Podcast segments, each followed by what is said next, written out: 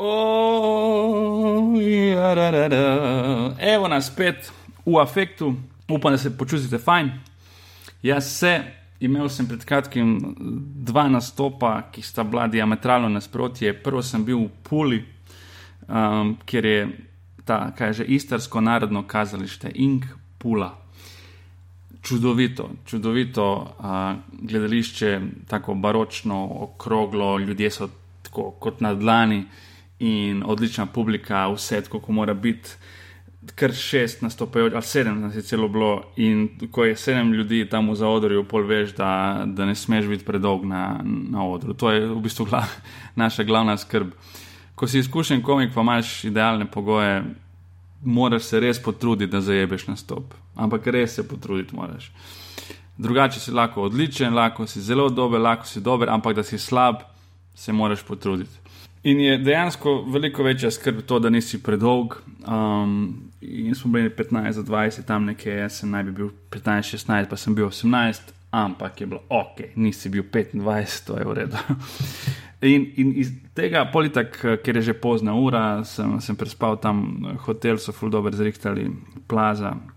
Uh, pol pa takoj v avto ob desetih in ogromna, ogromna gužva tam, ta istrski Y, da nisem vedel, da se, folk, da se toliko folka sredi septembra vrača nazaj. In pol vedno tista dilema, a grem malo golfat, a grem tja na odstavni pas ali ne, a bom, a bom kurba ali ne bom, ne stojiš tam. Ne, ne bom, ne bom, ne bom, ne bom. A ja, pis, da imam še en nastop, ja bom in grem, seveda, kot največja kurba na svetu. In pol pa spet vnoter se vrneš v gužo, tako kot drugi ja, praci. Um, in pol spet čakaš, čakaš, čakaš, čakaš in postaješ vedno bolj živčen, zato ker veš, da boš zamudil. Ampak tudi drugi ljudje imajo svoje probleme, samo bolite, bolite dupe, te, tebe skrbi zate. In potem spet pride ta opcija, da greš na odstavni pas in si rečeš: Ne, ne morem, to je zaradi varnosti, to je tako. Vsi drugi bi lahko šli, če bi bili svinje in pol vidiš, enega gre na ostani pas, drugi, tretji, četrti, peti, osmi, lega Beograjčina, kurba ena, ja, kurba, grem še jaz, gebi ga, grem še jaz? In kar nekaj. Prej si, prej si, prej si jih šimfal na polno, zdaj pa še ti tam in pol si kao naredim, kot da bo šel za umag, ampak obrnem nazaj. Ampak to mi je polo omogočilo, da sem prišel domov za 10 minut, se preoblekel in pičil naprej. Uf v kropo, kropa tam na Gorenskem, nekje še krvo, ko je bila precejšnja, um, zavlečena nekje noter.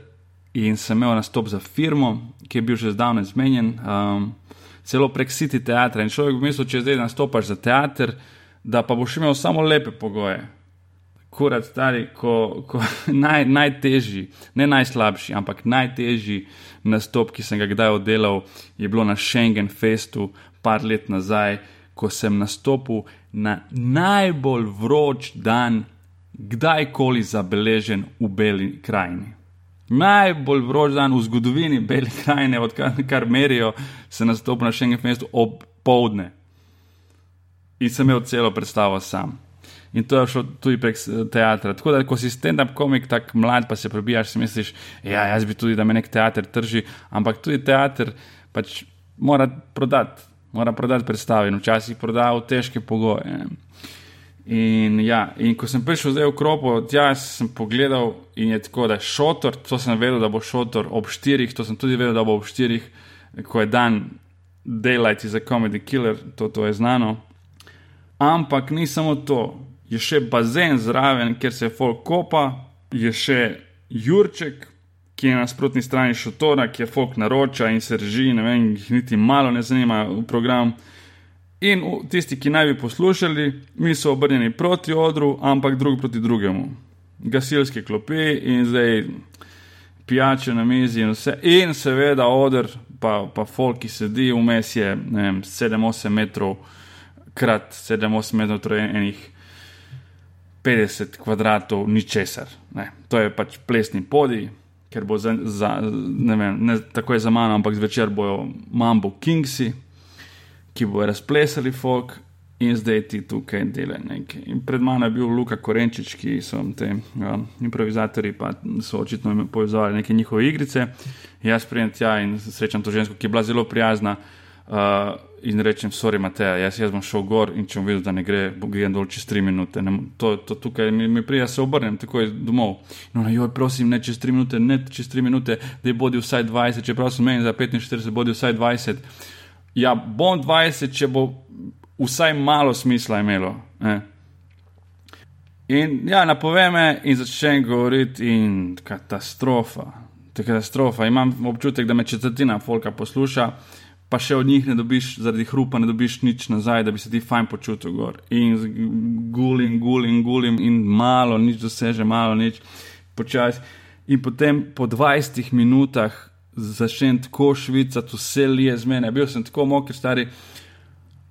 In pol vidim, da malo nekaj doseže, malo se začne premikati, malo ta, ta populacija, ki me posluša, se malo začne širiti ok, udarim z disko točko, ki jo nisem že full časa izvajal, ampak je dinamična in folk te ne more ignorirati, ker muzika je najbolj glasna, vse bam in jih dobim in se poveča na tri četrt.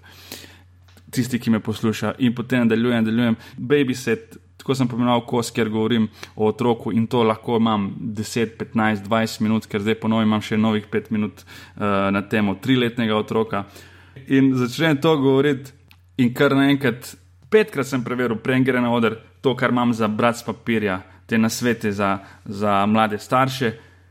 In pogledam noter, in nimam v žepu. Fak, in zdaj grem kar dol z odra in brskam in govorim, ja, tukaj se nekje pusto pes, da rejem, gledam tako, fak, fak, je, je, ni, ni, in ni nikjer, kurac. In grem gor in odglumim nazaj. Ampak pol so celo hoteli bis in na koncu sem dosegel, šele po 40 minutah, da dejansko so me skoraj vsi poslušali in, in ploskali. In je tako, fako, zdaj moram končati. zdaj, zdaj, ko je dobro, zdaj moram končati. Švica v stari, kot da bi jarke kopal, res iz idealnih pogojev v, v najbolj zajebane, ampak sem delal, bilo je fajn, trajanje, lih prav, cirka 40 minut ali kaj takega. In pol prijem domov, dam roko v ta isti fucking žep in je noter, listek. A ste gledali roast? A, a, a ste gledali roast? Meni se zdi, da je v redu izpadel. Gledanost, to je najpomembnejša stvar. Ko se deluješ s TV-jem, boli njih briga, koliko je bilo kul, cool, koliko ne, koliko je uh, na nivoju, koliko je pod nivojem, koliko je mainstream, koliko je avangardno. Samo gledanost. Kaj pravijo tiste Nilsenove škatle, tam koliko folk je gledalo. In gledanost je bila solidna. Solidna. Um, sem vprašal um, moža iz Pop TV, je rekel od 1 do 5, 3,5, tako uspešnost. Sem rekel, ok, ne vem, kako ste vi kaj zadovoljni z, z vsebino. Jaz sem sklestil 2 uri 45 na uro 45. In se mi zdi, da, da deluje, da nekjer, sicer reklame so butnili noter ob najbolj sredi nastopa. Mislim, stalno so dinamiko šova zjebali z reklamami, ampak kje bi ga, reklame so tisti, ki, ki plačajo in normalno, da je temu podrejeno. Ne. Samo res mi je žal, ker, ker če gledaš v kosu šov, je čisto drugače. Kar pa se tiče mojega dela, uh, oziroma tam, kjer sem jaz bil na tapeti, mislil sem, da se bo več folka obesilo na to z Janšo, ta nastop za Janšo, ki ga je Uroš izpostavil. Pižama ga ni hotel izpostaviti na prvem rostu, ker me je hotel prišparati tega, ampak sem mislil, da bo da se več folka obeslo, samo ni bilo nobenih nekih reakcij. Uh, pa bi lahko bilo, ne, ker je nastopa za politike, to, je, to je obsodbe vredno. Ne. Ampak manjka pa ena pomembna informacija in sicer to, da to ni bil nastop, ki sem ga naredil včeraj, ali pa lani, ali pa predlani. To je nastop, ki sem ga naredil leta 2008 skupaj s Tinom. In takrat je SDS bila drugačna stranka. Za me, za moje pojme, precej neka normalna desno-sredinska. Šele potem, ko je pač Jelinčič izpadel iz parlamenta, takrat je Jelinčič bil takrat tisti fuknjen. Ne? Ampak on, ko je on izpadel iz parlamenta, pol so pa v tej SDS rekli: hej, kaj pa če bi mi bili fuknjeni desničari, a? a kaj pa če mi pograbimo še te. Uh, voljivce. In potem so prišle trenirke, oziroma trenirkarji in Twitter, sranje, uh, bljuvotine na Twitterju, fakt, ali ni hecno, kako, kako so lahko politiki tako glupi. Po eni strani imaš, jih vidiš v, v teh oddajah uh, na TV-ju in so vsi vzvišeni.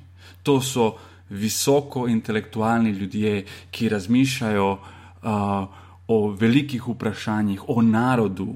Za dobrobit naroda gre, njihovi interesi so tukaj neobstoječi, ne samo da so potisnjeni ob strani, so neobstoječi, ne, njihova stranka, it's all about the people, oni si želijo, oni so vodje, oni so. In pogreš na Twitter in vidiš, kako majhni so to ljudje. Debozov, predalič, stari, ko greš brati njegove tvite, pa to ne moreš verjeti. Prav tisto, človek je nepismen ne zna osnovnih pravil slovnice, gostilniške fore poka gor na Twitterju, stari. Sami sebe razkrinkajo, to ne moreš verjeti. Kako ti ni jasno, da če ti nek, ne pljuvaš neko novinarko, če se spraviš na njo in jo poimensko nekaj pljuvaš, zmerjaš s psico, s kurbo, s čimerkoli, da ti spadeš majhen človek, absolutno ne primeren za voditi lokalno zadrugo, kaj šele državo. Kako si pa ti težki doživel roast, mislim, čisto iz tvojega kota, iz perspektive tvoje? E, meni je roast bil, eh, po mojem, en, en najtežjih nastopov v desetih letih, odkar delamo stand-up, pa to ni zdaj sploh neki kao, ja. fora. Uh, bil mi je težek prvi punč, ampak ne tako težek kot ta roast. Bil mi je težek prvi deseti brat. Okay. Ampak uh, sem takrat imel neki kao v glavi, pa vem, kaj delam. Pa bom poligral kitaro, če tle ne bo vrat ali bo tam vrat. Rost, ki pa je 5-6 minut, pa itak nas je 12, ampak ne vem, imel sem v glavi en ta.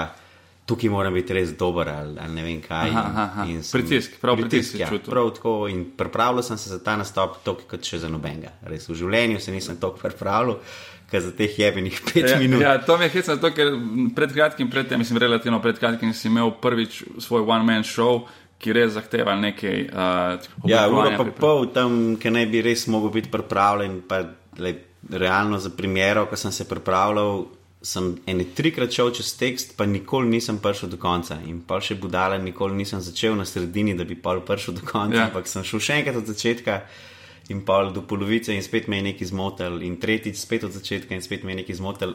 In se je tudi videl to, da sem prvi del predstave je bil lepo naštudiran, ja, in sem ja. videl tudi, kako pač sploh majsti komiki bolj opazili kot ja, ja, ja. Pa na koncu je pa šlo to tako malo. Ne. Ampak to je, mislim, da je značilno za vse uh, one-man šove, ki nastanejo iz, iz stand-up materijala, ki jih komiki delajo. Mislim, da je ponovadi res tistih prve pol ure, da je bolj kompaktno in tako naprej, potem pa malo tako, a zgubi nit, ki je povezovala prej, ali pa tudi izgubi uh, ne vem, nek, neko dinamiko, tempo in pa malo tako se vse. Ja, tudi nisem vedel do, po moje, ene pete ponovitve, kako čem sploh zares zaključiti. Oziroma, vedel sem zaključek, nekaj imam to pesemco z prost, prost, prostovoljko iz publike, ampak kako prideti čisto točno do tja, še zdaj ne vem točno. No, Ker sem pa ta za rost se pripravljal, to je bilo pa. Ne vem, če sem šel 30 km čez, sem pa malo še premalo rekel. Ja. Potem sem prišel tja in zdaj najprej smo mi dva kar dobro delala cel popoldan. Ja, ja. In potem tisti popoldan sem jaz imel v planu, vsaj še enkrat, šest ali pa celo petkrat, ne vem, kokrat, pa mogoče še malo nekje se usest, pa saj neki uno meditirati ali ne vem kaj, v glavnem biti z glavo tam. Pa sem bil še full lačen in sem se najedel tam unega čipsa ali kaj se ja, pravi, neke ja. slane palčke. In dejansko, ko sem stopil na oder, je moj jezik bil v suhi votlini. In jaz sem pet minut, ko sem bil na odru ali deset, namesto da bi razmišljal o tem, kako najbolj plasirati svoje fore, razmišljal o tem, ali bom sploh lahko izrekel naslednjo besedo, ker je jezik bil tako suhne. Nisem pa imel vode, niti presep, niti prej, ko sem imel presep, nisem upal full pit. Ja. Ker smo vsem bili dve uri pa pol na odru in ne moš iti scat, ne. In to bi bilo kar po mojem. Mislim, ukvarjal sem se s čist nerovnimi stvarmi. No, A si opazil, na katerem od vladovih rostov je, uh, ne vem, kdo je naredil to finto, da je kdo moral iti na WC. In potem sta šla, ko je en končal nastop, je pobral še drugega. Kao, pri, pa, in, kao, jaz bom šel s tabo in nekako nastanila finto, Aha. in sta šla oba, zato ker je en moral iti na WC. Uh, ampak sta ukorporirala v nastop. Na nastop. Ja. No, vidiš, na, nisem imel te fore, mogoče bi mogel tam pobrati pežo. Prijeti nekaj povem. Ne, ne more biti tok časa, Hrvat na odru, ali nekaj, nekaj. Ampak ne, nisem. Um, ja, in pa uh, nisem zadovoljen sploh z, z izkupičkom. Ne, oziroma, Ja, pač, ja, tudi, ko sem ja. gledal zadevo in tudi, ko se malo tako pač pogovarjam okrog, sem v končni fazi, saj med komiki, definitivno najšipkejši člen. Ne. Ja, glej, to, je, um, to je to, ko folk pač ocenjuje se po tistem, kar folk vidi. Ne? Ampak marsikaj je takega, ko, ko, ko ni vidno. Uh, to sem razlagal lih, zdaj kolegu, ko sem se speljala uh, z basketa domov. Da, uh, tam ne samo, da, da, da je pač eno dvorana in drugo TV, ampak je tudi to, da je še perspektiva na samih nastopajočih, ko niti folk v dvorani se ne zaveda teh stvari. Recimo to, da ti, ko tam sediš zraven na panelu, ne slišiš tako dobro, kot sliši publika. Ja, ja, sigurno. Slišiš slabše, zvočnik so obrnjeni pred njej in tu obstaja neka taka malo tista, da se res moraš truditi poslušati. Slišiš sicer, ampak je kvaliteta zvoka zelo slaba in potem ti, kaj, kaj je sploh rekel, aha, in je tako, reagiraš malo zamudo ne, v primerjavi s publiko. To je prva stvar. Druga stvar je to, recimo, da, da tisti, ki so na levi strani, strani eh, pendela, sploh niso videli tiste, ki so na desni, zaradi govorniškega odra vmes. Jaz sem se prav umikal, tako ko sem imel kaj za pižami povedati, kao, a se vidi, tako sem se moral umakniti, se dvigniti kot fotelj. Uh, Ja, to se vidi na Ja, posnetku. ja, ja, ampak zato, ker sem hodil stik s pižamo, ampak nisem mogel zaradi, zaradi, ne vem, riti od peže, ki nastopa. ali Ne, da, ve, Ja. veš, kaj mislim. Mislim, ja, ampak sej, to je pač itak. Bolj, boljš ne moš postaviti, kot smo mi tam postavili. Ja, po moje, ja. Da bi bili Zato, ker, bližji ker je ali bilo pa- 13 ljudi in oder ni bil majhen, ampak um, za 13 ljudi je že kar zmanjkovalo placa. Ne. Je pa ena stvar, ki upam, da so jo opazili tudi producenti. Ja, veš, da sem jaz vrhunski smejalec na da upam, da Ja, ja, ja. ja. povabijo v naslednje roste. Sam sedeti gor. V mojo Slovenijo, recimo, tam, tam bi spadal. Ne, ampak dejansko moraš, to, to moraš dati več od sebe. Najhujše je, da si tako ena tam buča mm. uh, in, in, in, si tako, aha, aha, in se pripravljaš na svoj nastop. in Tako, to, to je, Videli se je recimo evo, to pri pižami, ki je bil drugač, ko je stopil na zid. Ja, ja, vrhunski, Ja, ampak vmes pol je je še šel pisal brskati. fore sproti ali delo na, na temu svojemu na ne, tablici. ja, ja, je, je, Iskal je pač, oziroma Seveda, pa zato, ker povezovalec ima tam najbolj zahtevno vlogo. Na, najbolj zahtevno in on je tukaj še si vzel to, da bo, če se ga nekaj njega omeni ali pa nek, ima neko domislico, da bo Tako je še se povezal. Ja, da bo se povezal in potem, potem res imaš dodatno nalogo. Ne? Ampak uh, on je tisti, ki nastopi koliko desetkrat vmes med vsemi. Torej, 13, v bistvu, če je nas bilo 13. Ne? Ja, ja, On ampak hoče, če, če jih je deset, je desetkrat. Oziroma ne, pa še uvod, ja, tam nekje. No. Ja. Število nastopajočih plus ena najbrž. Eh, Tako je. Tol, toliko, toliko nastopov ima. Ne. Tako da ja.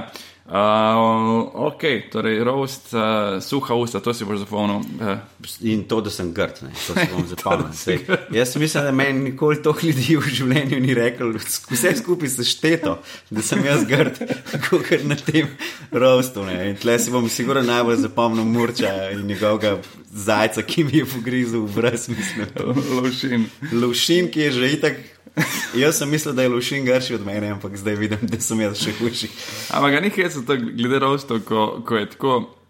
Itak si nekako pripravljen na to, da boš fasal, itak, tako, itak je fulejnih neumnosti, ko sploh ne držijo, uh, sploh ni res, pač lažejo, folk, la, lažejo o tvojih stvareh, ali pa potencira toliko, da je že nesramno. Ne? Ampak uh, to, ko vseeno se malo zamisliš nad tem, ko, ko ti ljudje nekaj povejo, to, to, to, in pol pa vseeno priješ domov in je tako. Čakaj, okay, se je bila zajbancija, ampak da, a se res toliko grdne. Je bilo pri tebi kaj tega Mislim, momenta? mogoče ne toliko tam, tam, jaz sem se res smejal, meni je res dober. To tudi imam ful rad pri komikih že nasplošno, sploh pri teh mlajših, Ja. če si upajo nekaj povedati čez mene. ne. Zdaj je to res ali ni res, ni zdaj to tako važno. Ampak Ja. ful imam rad, recimo, vem, ko je Eva Virc prišla čist nova in je udarila ene tri močne čez mene, je bilo meni to wow, the best, upaš si. Ne? Aha, ja. že, že prej, prej uh, na delavnicah ali Je, tako je, ja, v bistvu na tem že zaključnem nastopu od delavnice je imela že tri take močne namene um, in mi je bilo to všeč. In mi je bilo všeč, ker me vsakič, ki mi je Brgant kaj tazga naredil ali pa kdorkoli.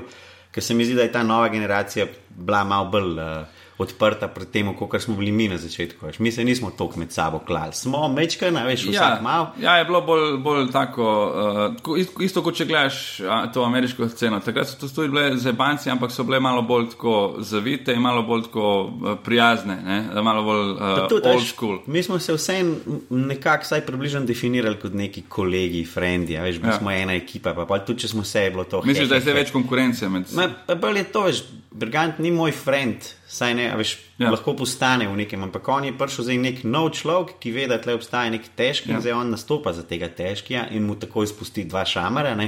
Kaj je ja. lahko čisto, če bi jaz bil nek kreten producent, bi lahko rekel, ok, ti ne boš več za me nastopil, ti me ja. žalaš, ne? ampak ja. meni je to glih všeč. In tudi tam na Rostu mi je bilo tako, dokler smo mi bili na odru. Ne, od Murča je bilo the best, od Briganta je bilo super. Uh, ja. Ne vem, kdo, vsi ste itak imeli neki na to. Ampak, ko sem pa zdaj gledal to doma, pač, je bilo pa tako, pa še to ne govorijo samo o tem, da sem jaz grd. ne, uh, ne, ampak se strinjam, recimo, uh, pa to je, to je uh, verjetno največji kompliment, kar, kar sem kdaj dal Gašperju ali, ali pa bom. Ampak zdi se mi, pa ne bom njemu tega osebno nikoli priznal. Ne? Ampak zdi se mi, da je on res na nek način spremenil stand-up sceno, čisto z nivoja tega iskrenosti. Ja. On, on, je, on je pripeljal neko tako iskrenost noter in do sebe, in do folka, ko, ko se ne zmeni za posledice. Ne? On je, uh, pride zdaj, ena njegovih trenutnih for je to, da, da reče. Uh, nekaj pljuva čez Maribor, reče: Jebeš Maribor, kaj je Maribor, folk, ki tam živi, se meče v Dravo, da ne bi živel v Mariboru. Razumete? To je, to je nekaj, kar si roko na srce, noben od nas, ne samo da ni hotel, ampak si tudi, tudi ni upal povedati, zato ker veš, da boš na to povedal v Mariboru. Ja, ja. In, in je, prvo, ni res, da se folk meče v Dravo, ker nočemo živeti v Mariboru, ampak zaradi drugih razlogov. Ne? Ampak uh, drugo je to, pa, da pravim, je tukaj še, še ena taka stvar, ko, ko ipak, ipak smo, pravim, pri nas je to prav hecno, da lih to ti ljudje najbolj zamerijo njihov, ta povezovalni, to sem se z Aleksandrom v zadnjem uh, pogovoru uh, pogovarjal, da to te neke kohezivne sile, ki jih povezujejo skupaj, da so oni uh, Mariborčani, da so oni Ljubljančani, da so oni, ne vem, uh, primorci. Če to napadeš, si potem mrzel. Sicer nisem doživel še, da on to v Mariboru povedal, ampak Bi, bi. Če, po mojem, bi tam on, kot je, bi bolj na glas tam to povedal. Pa še imel bi neko dodatno foro na to. In, in to je tisto, kar je, kar je pri njem najbolj občudovanja vredno. Ker drugače, tako ima fulejnih šovinističnih, ima fulejnih takih, kot da je gašpr, da je bila, da se si glupa ali se samo delaš ali tako. Ampak to, ta, ta iskrenost. Zato tudi, tudi te njegove, ko si jih rekel, šovinistične ali pa, ali pa ne vem ene, kar res uno, da imamo neki zatret. Prav, ali pa ja. vem, ta, men, ta njegova angliščina, ki ima I walk 500 uh, miles to get clean water, veš, kaj ja. je v bistvu full. Rasistična je glupa, fora, je, tudi glupa je. Zato... Ampak on je tako res iskreno pove. Jaz vidim njega, da leži zadet na kavču in, in mu gre to po glavi. Evo, točno, ko on to tako pove, mislim, on je res. To, kar si rekel, ne, da si je zdaj on upal narediti. Vse je kdo od nas to že probo. Uh, sem jaz tudi v Mariboru, kdaj rekel, kaj čez Maribor, če ne. Ali, ja, pa, kdo, ja. ali pa pižama, mogoče, ali pa ne vem. Pa pižama, ja, pižama. Ampak, um, to je v Ljubljani. Ampak mi smo se full hitter. Um, Ful hiter smo tudi nehali to, nismo ustrajali pri tem, če smo videli, da okay, mogoče to ni bila zdaj najboljša ideja. Ja, ja. Še jaz na panču, da oskrat naredim to neumnost, da užalim sponzorje. Veš, ljudje, ki, ki so zelo krivi za to, mislim, če da publika neki, da jo sponzorji še neki zraven, da lahko sploh mi naredimo ta festival. In pol jaz, da veš, grem gor in rečem, ne vem, Union, vi ste nas pa res nategnili s tem radlerjem, to sploh ni brezalkoholno. Ne. Neki tazgi, recimo, veš, a tam sedijo vse te od Uniona tam. Ne. Se mi zdi to tako na dosti podobnem nivoju. To je tako butasta fora, pol, ampak jaz pa na koncu rečem, o, še tega ne smem in pa grem nazaj gor in probam popraviti to, kar je dosti še slabše. Brgant pa ne, ne, on pa bi prišel nazaj in bi rekel, prej sem rekel nekaj čez Union, ampak res ste kreteni, veš, mislim, to je njegova, ampak to je njegov stav, ne, to je, jaz ga pač spremljam po mojem od njegovih res prvih nastopov, ki smo jih imeli tam v Forsterju, pri pr Mahlerju, ne, a veš, ker so bili open majki, ko je on prišel in, in ga nismo sprejeli na začetku, ker je publika je to gledala kot, kaj pa temu tipu ni jasno, veš, tudi ko je prišel na ta stand-up komik leta in je čist pogoru s tem istim materialom, ampak on je ustrajal. Ja, ja. petkrat, šestkrat, sedemkrat, pa so pa ljudje rekli, čakaj, on res to misli, ve, ta je, ta je nor. Ne? Pa tudi večkrat postaje boljši komik vmes. veš. No, to sigurno ne, mislim, pustimo zdaj. Pre- Predvsem to, predvsem to. Uh, dobro, pustimo ga, ne bomo zdaj o gaštorju pisati. Um, gremo nekomu, ki ga imamo radi. A, de, Imamo koga, veš. Ja, komiki, ko se dobimo, ponovadi je šim, šimfati, tako tistega, ki ga ni zraven, tistega se šimfa. Dej povej, s čim se ti trenutno vse ukvarjaš, oziroma odkot si likar pri letu. Si bil na sestanku, ki je v Črnuču. Ja, bil sem na sestanku um, za en ekološki projekt. Um, jaz imam sebe za kar zelo ekološko zaveščenega človeka. Osveščenega. Osveščenega, ne si že kaj pižama. Ne, ne, um, naslednje štiri leta bom sodeloval pri enem projektu za ozaveščanje publike, množic o predvsem recikliranju in pa najprej zbiranju odpadne električne. Um, v bistvu embalaže, ne Aha, embalaže, aha. ampak uh, izdelkov, no? ker uh, v bistvu temu ne posvečamo pozornosti. Pa folk tudi ne ve, jaz, kam kaj dati. Ja. Ne. Polnilec se ti. Iskreno, da nimaš kam dati, ne. vržeš ga Ja. v smeti, ne, ker ne paše v nobene od teh, ki imamo zdaj možnost. Oziroma, Imaš posebej, imaš peljati tu, nekam. ne. recimo, uh, Š- Šparvič, vem, da ima zadaj prav za žarnice, pa za Tako te je. stvari, ampak tako marsikaj, mislim, ni, ni pa. To je točno veliko. to, kar sem jim razlagal na sestanku. Ne. V Sloveniji smo, smo kar, imamo kar visoko stopno ne, te, te uh, zavesti, ampak uh, če imamo možnost, ne. če imam jaz pred, pred vhodom um, tri različne kontejnerje, pol bom tudi doma si dal tri različne uh, vem, kante ne. in bom pol nesel vsako Seveda, posebej dol in bom stresel. Ne. Če bom pa zdaj prišel ven in bom mogel iti čez cesto, to je že lahko zelo daleč za nas. Ne. Ah, in pa bom stresel vse v enega. Ne. Ali pa po firmah, ne se zelo pogosto res dogaja, da oni reciklirajo um, in potem zvečer pride čistilka in ona ima samo eno vrečo in vse zvrže v eno vrečo in odnese. Ne, um, ne posod, ampak glih. Včeraj mi je na eni firmi to razlagala, pač Ja. direktorica, kako je zdaj razlagala. Hej, ne moreš to vse skupaj. Ja, pa jaz imam samo eno vrečko. Ne? Ja, ok, ti bomo dali zdaj tri. Ne? Um, no, ampak ja, uh, jaz probujem sodelovati pri vseh teh stvarih, če se, če se le kaj zgodi. Tako sem bil prvi čistimo Slovenijo, tako sem bil pri Jaz sem bil tudi pri očistimo pri drugi. In, in Ja. se, pol, ko sem videl, kaj se je zgodilo zatem, sem rekel, ne bom nikoli več pri takih akcijah sodeloval, ker, ker vse tam, kjer sem pač pomagal, je bilo še bolj zasmeteno dva meseca kasneje. In je bilo tako, ok, tole res Ne pelje nikamor. Ne pelje.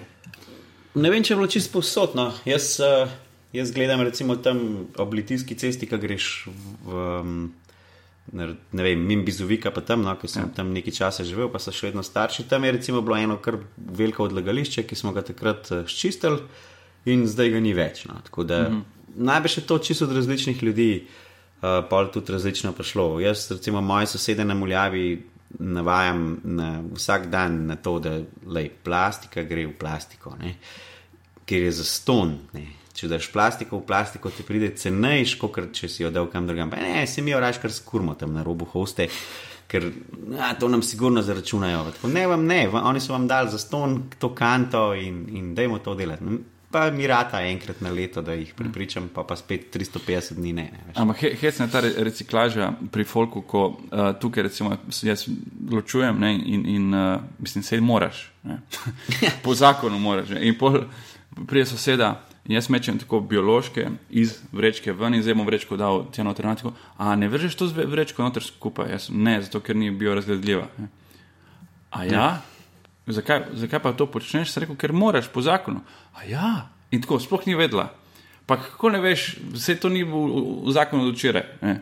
To je, in, in sploh ta. Tudi neka logika v glavi. Ne? Mislim, če je to plastična vrečka, pa verjetno se ne bo. Zdaj samo zato, ker si jo vrgel v, v rjav kontejner, pa ona ne bo kar rada. Najbrž, najbrž račun, računajo na to, da bo nekdo, to da, ja, da bo v komunali in zdaj, kao, v smislu, jaz sem svoj že opravil s tem, da sem, uno, dejansko ta del je najbolj pocast, ne, da, ti, da ti biološke iz vrečke daš ven ali pa iz, ne vem, a, tiste biorazgradljive se tudi razgradijo včasih v stanovanju, ne, v tem je problem, ne, začel, začel puščati. Ja. mm, Ker so skrumpirjene, tako mislim, Ja. ja. škrobane. Tako da, ja, ja ampak uh, veš, da sem začel reciklirati, uh, ko sem videl Murča. Vedel sem, da je moč kriv. ja, uh, takrat je živel tam na Travniški, v, v, dol v Trnovem. In je bil prav tisto reven, kot se reče, na miš. Bil je, bil je v eni taki, a se spomniš, a si Ja, bil tam pri enkrat kdaj? sem bil. Sobica, ki je res tri kvadrate. In, Jogi pa ful smetnjak. Jogi, ful, uh, ful ene krame, uh, poster od Zijaha Sokoloviča, gor uh, nekaj iz Indije, ko je bil nek, neka krpa gor na steni. In uh, nek star komp, veš, oni, ki so imeli ogromne one monitorje, uh, in glavnik uh, od bivše punce, ki ga je vohal vsake toliko, razumeš, ta scena. In, in res, res se mi je zdel, res človek tako res okay, eno stopnjo več kot klošar. Ne, tako re, po, ampak ne govorim zdaj, govorim, eh, ne govorim o, samo pač o materialnem Ja, stanju. ja. Vse bil je, takrat res je. Mislim, preselil se je iz šoštanja v Pa ne, da sem jaz bil full više. Sem bil više, ampak ne full više. Sam ti nisi ne. recikliral. ne? Nisem recikliral. Jaz sem bil v sobi, ki sem pričel 200, pa, pa je tudi. Ampak, dobro, se pustimo. zdaj. Pol gremo ven in vidim, da ta tip reciklira. In to mi bilo, ni bilo jasno. Tako, le, tip je res je tako v kurcu, ima življenje materialno, ne? ampak tip reciklira. In je bilo tako, če on reciklira, zakaj jaz ne recikliram? Zdaj, Njemu je mar, čeprav bi lahko se ne vem, depresiven tam ležal cele dneve uh, zaradi tega, kje živi, njemu je mar. In potem sem še jaz začel, in potem s časom ti toliko to pride v kri, da ti je težko dati nekam. Ja, ja. ja, jaz recimo ne morem sploh. Vršiti vršt banano v navadne smeti, ali pa ne vem, vršiti uh, uh, neko plastiko v navadne. Tako, in, in imaš piknik pol, ne vem, z, z nekimi prijatelji, in pol tam pride nekdo in reče: Ne, da to bomo zgolfali. Tako, "Ja, ne, jaz nočem, jaz nočem, ni, ni to pojem, da. Ja, zgolfali. da, da bomo zgolfali. Tako, ne, stari, da ne razumeš, da je to ni samo, da se izognem. Ne, vem, pa itak te inšpektori so ful redki. Ne, ne poznam nobenega, da se je zgodilo, da bo rekel, da, da je moral plačati. Ja, jaz sem poznam en primer, kjer je tip res vrgel v napačne smeti in noter je bil račun, ne, od elektrike ali od ničesar, v glavnem oni so ga dobili. ne. Po računu so vedeli, da so to njegove smeti in da so napačne. ne. Aha. Pa se je on sicer pritožil in je imel dobrega odvetnika. Lahko nekdo drug vrže eh, tvoj, rač- oziroma tvoje smeti, ki so. Tako so pa oni to, da pač to zdaj ni dokaz in je dubov. Ne? In zdaj, namesto da bi ljudje rekli, res je narobe, da je to naredil, ne, a veš, rečejo, lej, pa mu je rad ali Ja, kaj. vsakemu Pre, prepričuje sodnika, da ni res. veš. Dobro, to mi je sicer fajn, da, ne, ker, ker včasih uh, te inšpektori. A veš, iščejo res uh, dlaka v jajcu, kot rečemo, veš, pa pol, pa pol mogoče napačni ljudi um, ob, ne vem, obsodijo na neki, ali pač zraven imaš pa ne vem, neko tovarno, ki res ne reciklirajo. Tako, veš, meni je najbolj grozen, šele zelo pred kratkim so na petrolih začeli uh, reciklirati. ne. Se Ja. pravi, da zdaj greš na petrol in imaš od zunaj vsaj tri različne kante. In petrol je, a veš, za, za veliko ljudi prva izbira, ki grejo, ne v trgovino, ampak pač nekaj si pozabil in pa tam kupaš. Ne. In tam je, se naredi fulejnih smeti. In prideš tja in ja, imaš ene, eno kanto. Ne. In tako, take velike korporacije bi mogli Bi mogle, takoj ja. posekati. Ja. In, Država bi mogla. Obstaja folk, ki pravi, da tukaj zdaj država oziroma komunala, kdorkoli pač izkorišča nas posameznike, da delamo tisto, kar bi oni mogli poskrbeti. Ne. Ampak meni se zdi, da je to, kadarkoli nekdo zagovarja neko stališče, ko je tako, da je njegovi riti lažje, Ja, ja, ja. ga nočem poslušati. Sploh. Je Tako, ti zdaj zagovarjaš stališče samo zato, isto kot mesojedci, ko, kao, ej, ko so bedni te vegetarijanci, ej, bo, boš lovil svojo solato, to je edino, kar lahko loviš. Je tako, lej, veget, jaz nisem vegetarijanec in nikoli nisem bil, in vprašanje, če bom kdaj, najbrž ne bom. Ja. Ampak cenim nekoga, ki nekaj žrtvuje. Čisto zato, ker je to težje biti vegetarijanec, kot ne biti. Težje, mislim, uh, že, že zaradi tega, ker je manj placev za jesti, uh, da ne govorimo ostalo in tako naprej, da moraš malo bolj posvetiti čas in trud svoji prehrani. Ampak cen, cenim že to dejstvo. Isto tako, če ti recikliraš, to zahteva nek trud in zdaj ti boš samo zagovarjal, da recikliranje ni kul, cool, zato samo da ti ni treba reciklirati. znaš. Ja, mislim, tukaj smo po tem, smo še vedno zelo, zelo na Balkanu, ne? vsaj en, en del naših možganov. Ker recimo, že sam, če greš k sosedam na Hrvaško, ne, tam ne bi ratal reciklirati, če jim ne bi plačali. Ja, to smo se pogovarjali enkrat, kako so te vprašali, kao, za, Ja. ja. zakaj pri vas eh, ne, se ne plačuje. Zato, treba, ker folk to dela. Ampak bi tudi, a veš, sej, na koncu, ki pomisliš, ne, veš, jaz, ki imamo ta eh, studio smeha zdaj v Zagrebu, ne, mi tam dajemo, seveda, vsako posebej. In pol jaz to s svojim avtom vozim na, na ta nek odpad, mislim, kjer, kjer jemljajo te flaše in to gre full časa. Ne. Ti dobiš pol kune za vsako um, steklenico ali pa pločevinko, ne, ni važno, plastična steklena. Ja. In um, pol kune, to v bistvu ni tako veliko denarja. In, in zdaj, če hočeš dobiti 100 kun, moraš imeti 200 steklenic. Ne. To je že kar, najprej si mogel vse to zbrati, pa si mogel ja. to dati v eno veliko vrečo, odnesti tja, imeti v treh različnih, se pravi steklo, plastika, pločevinke. In zdaj z enim tipom, eno pa po eno, to šteješ. Ne. In na koncu ti gre za neko, veš, za 100 kun si ti bil tam že kar nekaj časa. Ne. Verjetno bi teh 100 kun lahko zaslužil nekje drugje Druge, na drug način. Zdaj, če si ti brez. Ampak ima to tudi svoj čar. Ma, mislim, meni je to fajn, jaz Ja, se vem, ti si- ti si tak tip, da tu je ta zaslužek, ker ni, ni sam, je zaslužek kot prvo, drugo je pa ta nek ritual, da ti nekaj nabiraš, veš, Ja. lovci, nabiralci. To To, je, to je, meni je to super. Ja. In, in zgledam, večini ljudi to v Zagrebu ni, ne? Ampak je pa to vratelj za, prav za te klošarje, brezdomce, je to vratelj prav. Pa tudi ne, ne samo za brezdomce, tudi za socialno šibke. Ja, ja. To, to je razlagal Domagoj, ko je rekel tam, da, da ti- ti stojiš in pride ena gospa v letih in, in tam ti po- komaj čaka, da boš odložil tisto flašo, da ona jo pobere. Ne. Mislim, to je, to je žalostno, ne. ampak Tam se jim prav zasvetijo oči, tako meni se, recimo, ne vem, enkrat se mi je zgodilo to, sem šel na tramvaj in sem pač pil neko, ne vem, CD-vito in pride mimo en tak tip in sem imel pač dobro, zdaj ne bom to nosil sabo, da bom pol zbral in je šel glih ta tip in sem mu dal to, pol kune sem mu v resnici dal, ne, sprav full mal. Ampak on je bil tako vesel, ker je točno vedel, da te pol kune je zdaj dubo v roke. Druga možnost je bila, da je on mogel odpreti kontejner, prebrskati ven fulenih vreč in mogoče je tam ja. not najdel. Pa že eno. gesta, že gesta je. Gesta je tako. To mi je super. Ne. Vidiš, da, Šla, čist druga smer. Ej, ja, ne, ne, mene ne moti, ampak hec na to, da mi dva nikoli nismo imeli težav s tem. Um, pri 25 minuti sva, pa sva samo smeti predelala. In Gašpor, ja. Gašpre. Se In našel- tega, da sem jaz ma vse so že full temle. Dobro, ej, no, povej, povej um, kaj počneš vse, torej, uh, folk te pozna kot uh, menedžerja, ampak lahko razčlenimo to. Menedžerstvo, ag, agentstvo in uh, producentstvo, oziroma da si tudi, ker menedžer pa producent ni isto, menedžer, agent ni isto. Pred kratkim sem zasledil nekje, da pižama piše, kontaktirajte mojega agenta Andreja Težaka, tako prej smo te vedno uh, govorili menedžer, zdaj si pa agent. Pa sej v Sloveniji je to zelo podobno. Ja. Oziroma v Sloveniji sem jaz vse to. Ne. Če bi bil v Ameriki, bi bil eno od, tega, od sedmih teh stvari. Recimo, ne. Ko v, v glasbeni sploh. V glasbeni sferi ima vsak mal boljši um, band, vsaka mal boljša skupina ima vsaj 5-6 enih agentov. ne. Uh, začne se itak z odvetnikom, ker brez odvetnika, um, pač prav tega nekega za, za Pravnega zastopnika, prav, ja. ja, zastopnika, ti ne moreš dobiti menedžerja. Ne? In brez odvetnika ne moreš dobiti založbe, in, in brez odvetnika ne moreš dobiti PR agenta. In, um, in to je pri njih vse tako zelo, zelo striktno ločeno. Ne imaš PR agencija pri njih, ki zastopa recimo 6-7 bendov, ki ni nujno, da so kakorkoli povezani med sabo, uh Mhm. -huh. drugače kot v njihovi agenciji. In potem imaš agente, ki, ki so booking agenti, se pravi, te, ki samo rihtajajo nastope. In že to lahko v Ameriki se loč. Lahko imaš tri različne. Ne?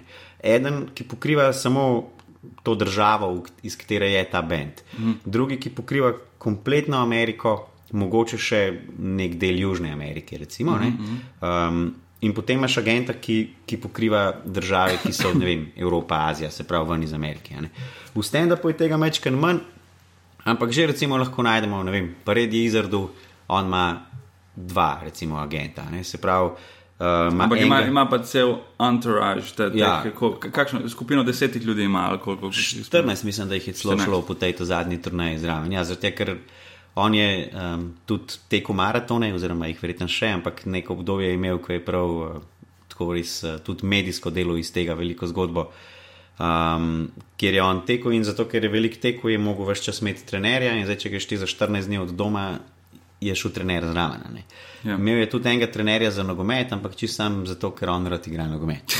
In, uh, Maserko tudi. maserko, eh, kar tudi zelo hitro ugotoviš, da to rabiš. Ne? Če imaš, mislim, recimo jaz, ki sem bil na turnaji z bendom, ko smo mi 42 dni um, bili v avtobusu in, in se vozili od mesta do mesta, in niti enkrat nismo spali druge kot v avtobusu. Uh -huh.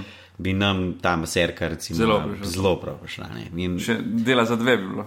ja, sploh ker je bend večji. Ampak tako, res imaš, imaš to. Ne? Jaz tudi uh, zdaj zelo veliko razmišljam o tem, da bi si mogoče um, najel enega šoferja, uh -huh. ki bi me vozil po teh nekih, vsaj malo bolj oddaljenih nastopih ali pa po nekih teh stvareh. Sploh je pa, ko se vračaš, ne? ko se ja. vračaš po noči, ko si gotov. Najprej si šel tja, pa si malo čakal, pa si nekaj jedel, ali pa nisi prej, pa si po možnosti še pol, ki te itak čist uh, uspava uro, uro pa pol na odru. Pa tudi, če je to sam nastop, v katerem jaz ne vem, povezujem, ali pa tudi, če se to nastop, v katerem imam 15 Se minut, zmuči, ampak čakanje. smo vsi skupaj in čakaš, čakaš, nekaj tam piješ, neke red bule, vlivam vase in potem, in potem te red bule v enem momentu nehajo delati in takrat si ti. Imáš še 100 km do doma in zdaj razmišljaš, da bi spil še en Red Bull, da me bo dvignil nazaj, ampak itak me bo dvignil nazaj še le čez 80 km, se pravi, imam možnost, da bom v teh 80 km odletel iz ceste. Ali pa druga možnost, ki se mi zaenkrat na srečo sam ta druga dogaja, je pa to, da pridem domov in sem zbujen ob 4 zjutraj in Mhm. ležim mm -hmm. in bulam v, v strop. Razumeš. Zdaj, verjetno bi se to z enim šoferjem ne, dal zelo dobro zrihtati. Sam je pa težko najti človeka, ki bi mu pa na cesti bolj zaupal, kot sepne. Veš, zdaj, kdo bi bil ta šofer, ki bi, ki bi bil pripravljen vem, samo dvakrat Na- na tak teden, urnik. pa na ta urnik, pa pol, mogoče malo dremati tam v kombiju, zato da bo bolj spočit od mene, voziti nek avto, najbrž ta moj, ker če ima on svojega, v glavnem je tako. Ampak ena stvar na taki, recimo, ne vem, Parizardu je tudi šofer, ne, kako so oni šli. Pač na, na to turnejo po Evropi, kjer je imel tudi pač te neke LED skrine in vse Ja, te ja. stvari, vse je treba postaviti. Najprej se mi je zdelo totalno smešno, on je sam in za njim je 14 ljudi. a ne. Pol je tour menedžerka, ne, se pravi, spet smo tle, pa enemu menedžerju dodaten. a ne, Se pravi, to je človek, ki samo poskrbi za to, da bo zdaj ta turneja, recimo, da je to 14 nastopov, da bo vse tako, kot mora biti. Ne, da bomo eno takrat tam, kam moramo biti, da bomo šli jesti takrat, kam moramo, da bojo hoteli tako, kot morajo biti. Ta punca Barizardo je to šla vse recimo preveriti, ko so bili prvič, mislim, ko so bili v Sloveniji. Je prišla, je šla pogledati, če so sobe v redu. Ja. Ja. Je prišla od Cankarja v dom, je pogledala, če je v redu, a je, da so tako monitorji postavljeni, kot bi mi radi. Vse te stvari, ne? Ja. Torej, ti, ki smo majhni, pri nas delaš večino Vseh teh 14. Ja, 14. Ampak a obstajajo v tujini, ki se kaj zasledijo to, da tak pojav komik manager oziroma komik producent, kot pri nas je Tin, tin je komik Obstajajo, producent. ja, sposod. Uh, v vseh državah, ne glede na to, koliko je stand-up komedija razvita. Ne vem, recimo v Angliji je že, uh, kako se že vam piše, Jeff Whiting, recimo, ki ima, ki ima um, agencijo Mirth Control, ne, v kateri pač A, on tak, ki zastopa. ga spoznali tam, ja, ja. no, se zato je, ki v, nek, na nekem festivalu ste bili. Kaj je Ja, bil? ja, Bath. Bath, ja. No, recimo, on je, on je vse to. No, tako. on je zelo, zelo podoben kot jaz. Um, tudi najbrž na glih enem takem nivoju, tako pač tudi ima neke malce cenejše komike, uh, z njimi nastopa v krog in potem, ker je zmanjkalo denarja za četrtega, je on postal povezovalec. In potem, ko je postal povezovalec, mu je ne vem, v parih letih se nabrali 20 minut materijala, za katerega je vsaj on, tako kot jaz, Ja. pač mislil, da je dosti dober. In pol, kar naenkrat začneš nastopati. ne. In pol je tudi on iz, iz Anglije, kar naenkrat začel delati stvari še druge, sploh posebej po vzhodni Evropi, ne recimo Češka, Poljska, uh, Mačarska, tudi v Sloveniji. S tem, da v Sloveniji je veliko sodeloval z mano, mal pa tudi pa s tem Ninom Bantičem, ne, sta delala ta Ja. uh, London Calling. Se pravi, on je, on je čist. Točno ta neka podoba človeka, ki dela vse to. Ima festival, Ja. ja. uh, bukira komike, ki niso njegovi, je menedžer komikom, ki so njegovi. Ne? Tako da tle je mogoče ta glavna razlika, kdaj si ti booking agent, kdaj si pa menedžer. Menedžer si ponavadi takrat, ko res skrbiš tudi za kariero tega, tega človeka.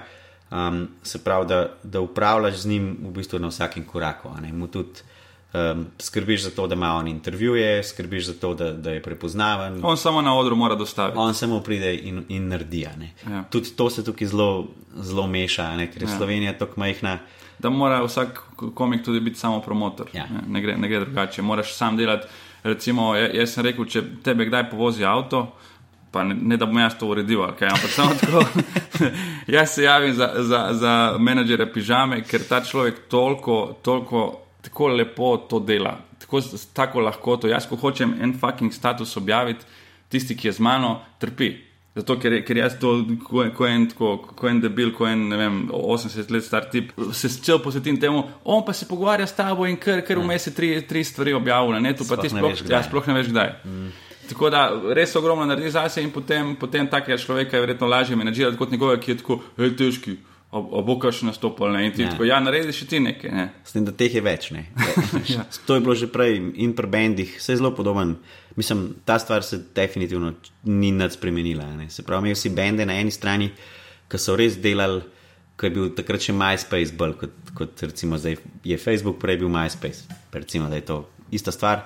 Eni bendi so res tam skrbeli za to, da so imeli vem, 100 tisoč nekih oboževalcev iz celega sveta, pa so skozi je nekdo bil gor in je pogovarjal se s temi ljudmi, pa objavljal neke fotke, pa videe, pa, pa audio posnetke in uno in tretje. In smo, ko smo mi šli, ne recimo z bendom Leafet v Kanado, ja. smo prišli tja in so tam že bili neki ljudje, ki so ta bend poznali.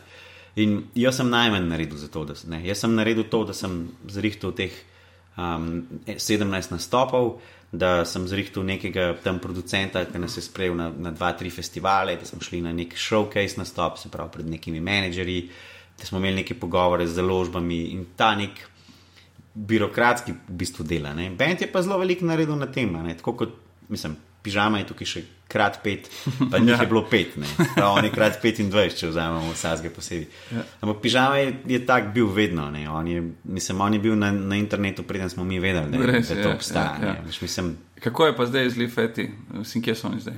Ni jih več, ne. Jih ni več. Mislim, to so. Taki projekti, ki, ki pa pol težko od njih, bom rekel, ži, ne moreš od njih živeti, no, um, mogli bi se res nekaj ogromnega zgoditi.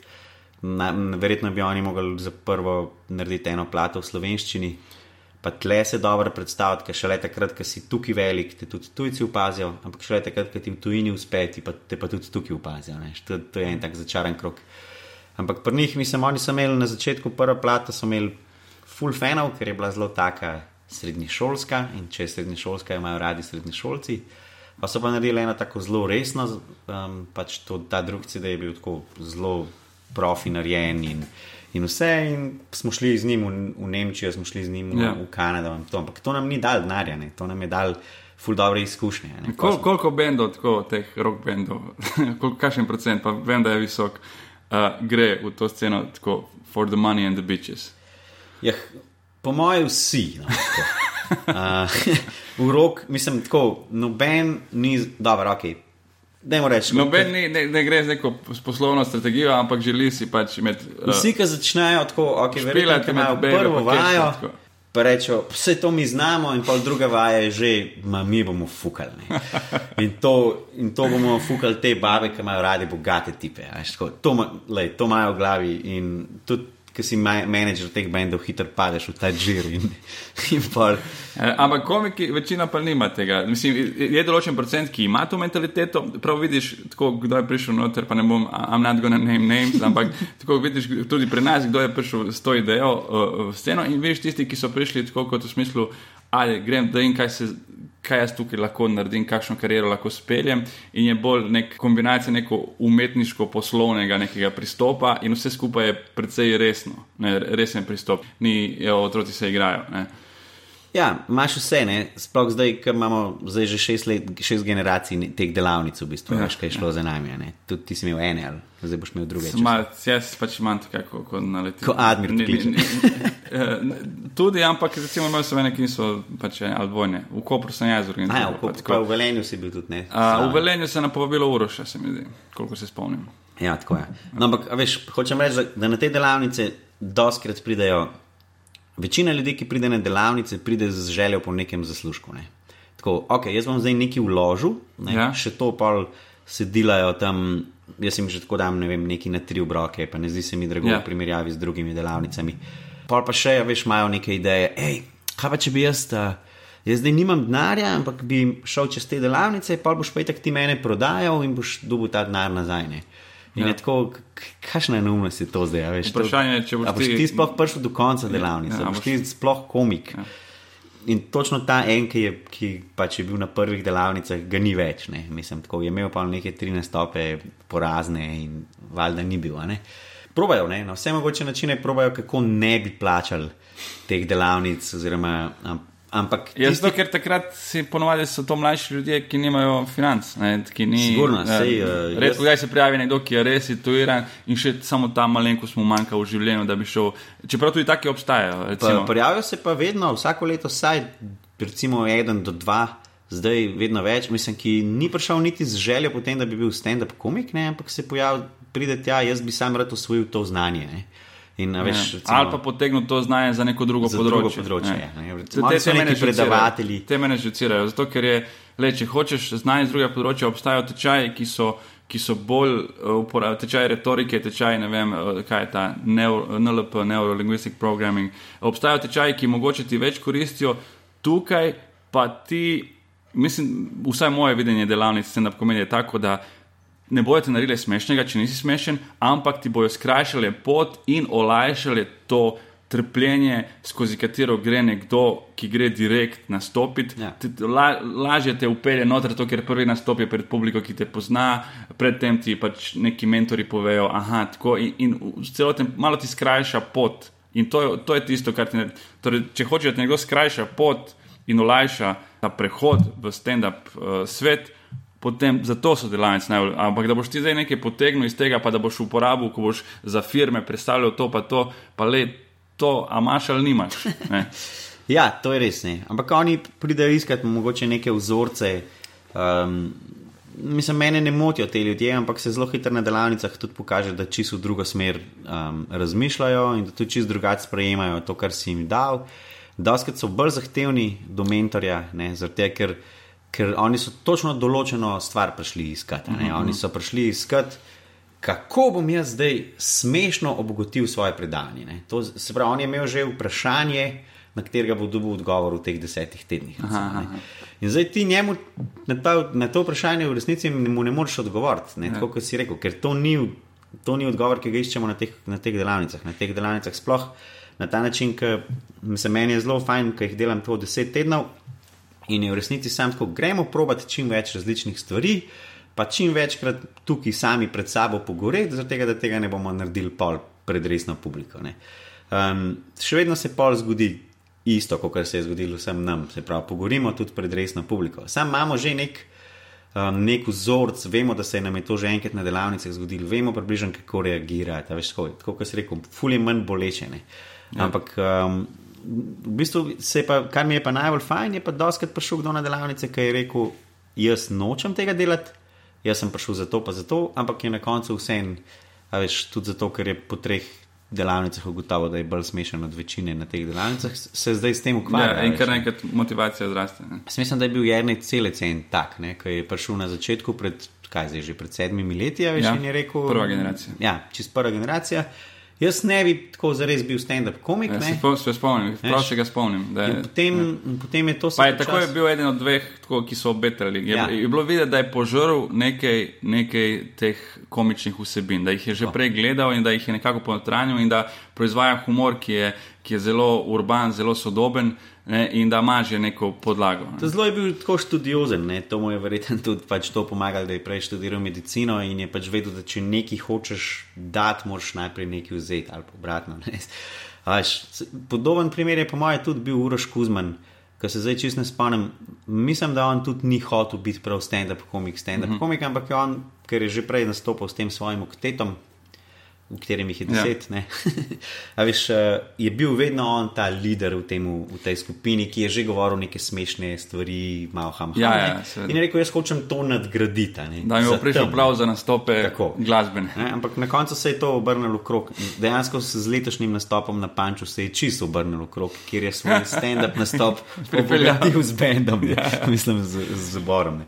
Pa veš, tudi njegov zbor, mislim, tako ima koristi od tega, da je on postal Ja, ja, uh, prepoznaven. In, in tako, zdaj, ko, ko, ko, se, ko se zdaj on sprehaja skozi velenje, vsi so, o, lega, Kuzma, kje si legenda. Ja. Prej tega ni imel. Ne, nim. Ja. Pa Prej so sicer vedeli za ta oktet, ker so tam vsaj Ja, ja, v, v bile dolini legende, bili ja, ja. legende, tudi s temi nekimi dodatnimi stvarmi, ko oni snimajo te YouTube filmčke, pa flashmob. Dobro, to je bilo že zdaj v tem času, ampak Ja. Mogoče bi vse en to naredili, tudi če on ne bi bil komik, pa so se tleful tudi priljubili, uh, celi tam sploh, sploh ni tem domačinom.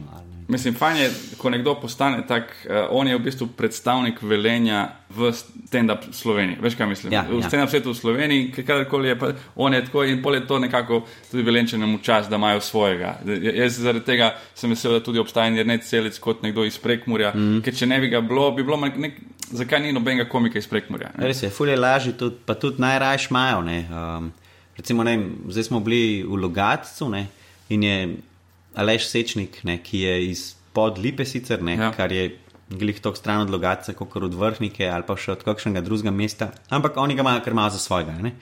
In um, letos bi radi, da bi nastopil pač Aleš. Ne. Sem jaz jim rekel, ampak vse on je že lani in predlani in, in predpredlani, ne. odkar nastopa v bistvu vsako leto na tem dogodku, je on v neki drugi zasedbi vedno. Ne. Ampak on je, ja, ja, ja, ampak on je naš, naj bo spet ona. Ne. In tako isto v Murski, ko pride celec, on lahko največkrat tam nastopa, zato ga imajo radi, ga poznajo. On, Ja. on bo že pripel v te prave. In isto je uroš v Velenju, ki mu je na koncu že, jo, jaz sem že vse fore tle povedal, več Ja. ne morem več, ampak Aleš na Kozjanskem. Ja. Aleš tam, ja, in tako.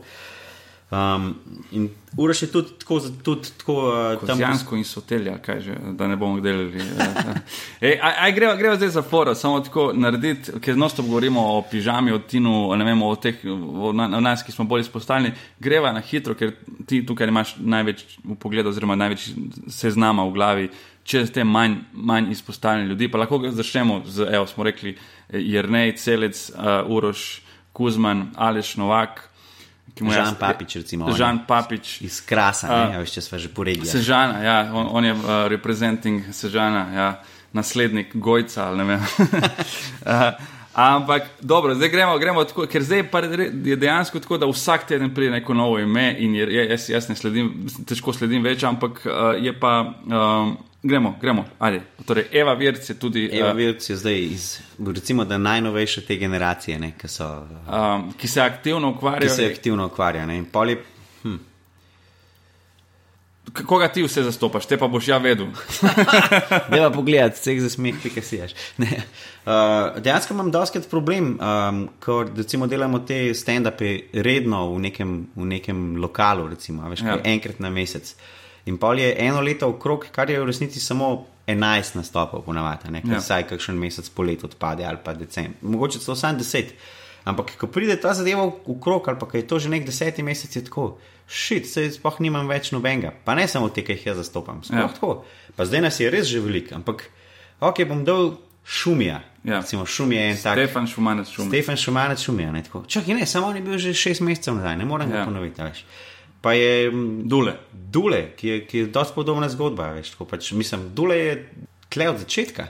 Sam, sam nikoli ni. Skoraj od začetka, ampak Ja, mislim, zelo. Ne, um, če boš njega vprašal, pa je on od začetka. Ampak, ker so takrat bili te Walk and Wolfne, ki so zelo kmalo za komikazami tudi začeli neki migati, Ja. čeprav so bili v osnovi najprej impro ekipa, pa so zdaj spet bolj impro. Pa evo, zdaj, ko smo že pri njih, Sašo Stare, Sašo ki je tudi zelo čar. In Beno stare, ki je tudi zdaj njegov novi mlajši ne, brat. Njegov mlajši brat, ki je.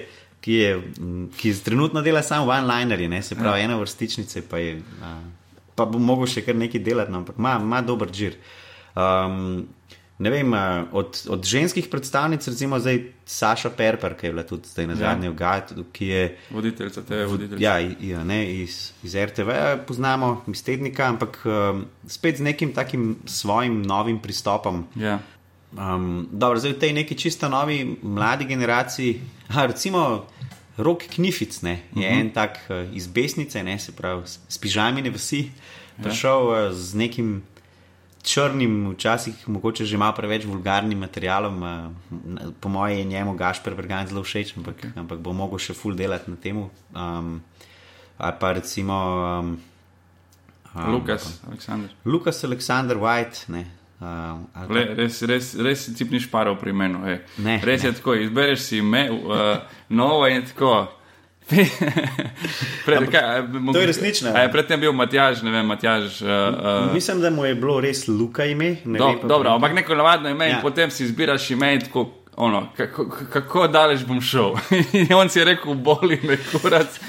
Ali plačaš spremembo imena? Plačaš, Ja, ja, ja. Če sem že plačal, Točno evo, to je bilo. zdaj- ne, zdaj to je resnično. Tako je Ja. tudi Tom povedal meni, mislim, verjetno ten se ni izmislil. Se ne bom šparil, ne. On je hotel biti Lucas White. Ne. Okay. In ker je prišel tja, so rekli, da pač isto stane, ne glede na to, koliko črk daš. In on je rekel, v redu, bom urinil, veš, le eno najdaljše ime, ki se ga spomnim.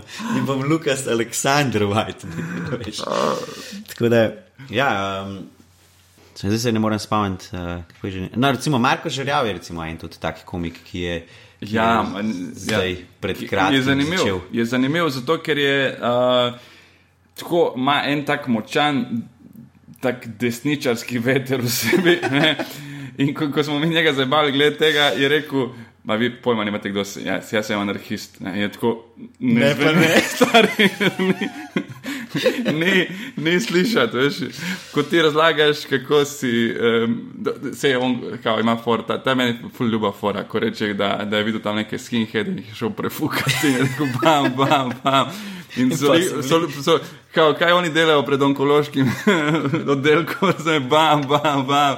In polo, ne, to so bolj. Da ne bom izdajal njegovih pork. Ja. Yeah. Tam je res ljuba, ampak ljudi tukaj ful potegne nazaj.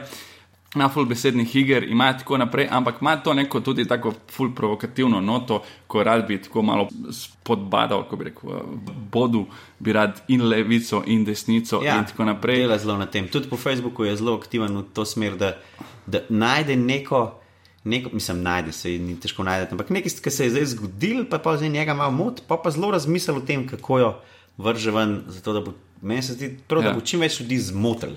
Ja, ja, tak, Ne, na, na geju, tem dela, na gejevček. Je. Pa recimo Jan Krojcer je tudi recimo, eden od novejših, Ja. ki prihaja iz vasi uh, Fredija Millerja. Ne. In ti ne maze. In ti ne, a veš, ne, tri legende. Poglejte si uh, ta nov komat od Fredija Millerja, vrhunski. Fredi za Fredija, morate si pogledati. Res si. Zdaj, ja, zdaj, zdaj skoraj da moramo vse ostale, ker bojo zamedli, ampak ne bomo, ne moremo vseh. Ampak ja, jih je kar nekaj, to je, to je pa Jih je kar nekaj. Uh, zdaj, jaz definitivno mislim, se mi zdi, da, da je to tudi zato, ker zdaj odkar v, v desetki že kar nekaj časa gojimo te open majke, oziroma večere novega, kot jim rajš rečemo. Ki smo jih začeli v bistvu, preden je bila desetka v, v Forsterju. In, s- Ja. so, mislim, govorimo o teh open majkih, ki so res redni. Vse smo imeli že prej, da je open mic, ampak zdaj je to tako res vsak teden. Zdaj, ker naenkrat vsi ti neki mladi, novi imajo možnost, kje nastopati, imajo možnost, kje prvič bombati, pa da jim tega noben ne zamera. Ne. Ja, in... imajo tisto, kar mi nismo imeli. Imajo, ja. Po eni strani imajo lažje, eh, pač, eh, infrastruktura je tam, samo moraš biti dober in š- poč, bo, boš hitro zlezel, kamor moraš zlesti. Po drugi strani pa uh, vseeno se ustvarja neka hierarhija. Ne? Sigurno. Eni so se naredili ime, drugi se niso, tretji so na pol poti.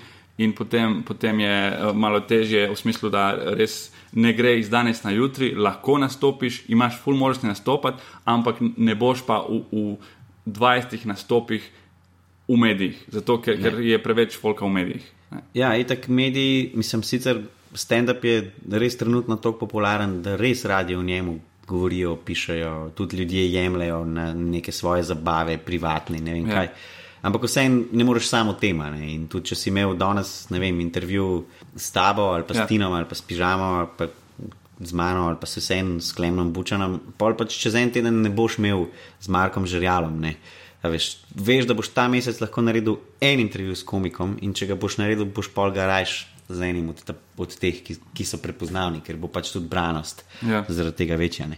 Vseeno je tako, ne, veš, mi smo imeli takrat kaj, 15 stopov na mesec, pa se nam je zdelo, da smo že full face.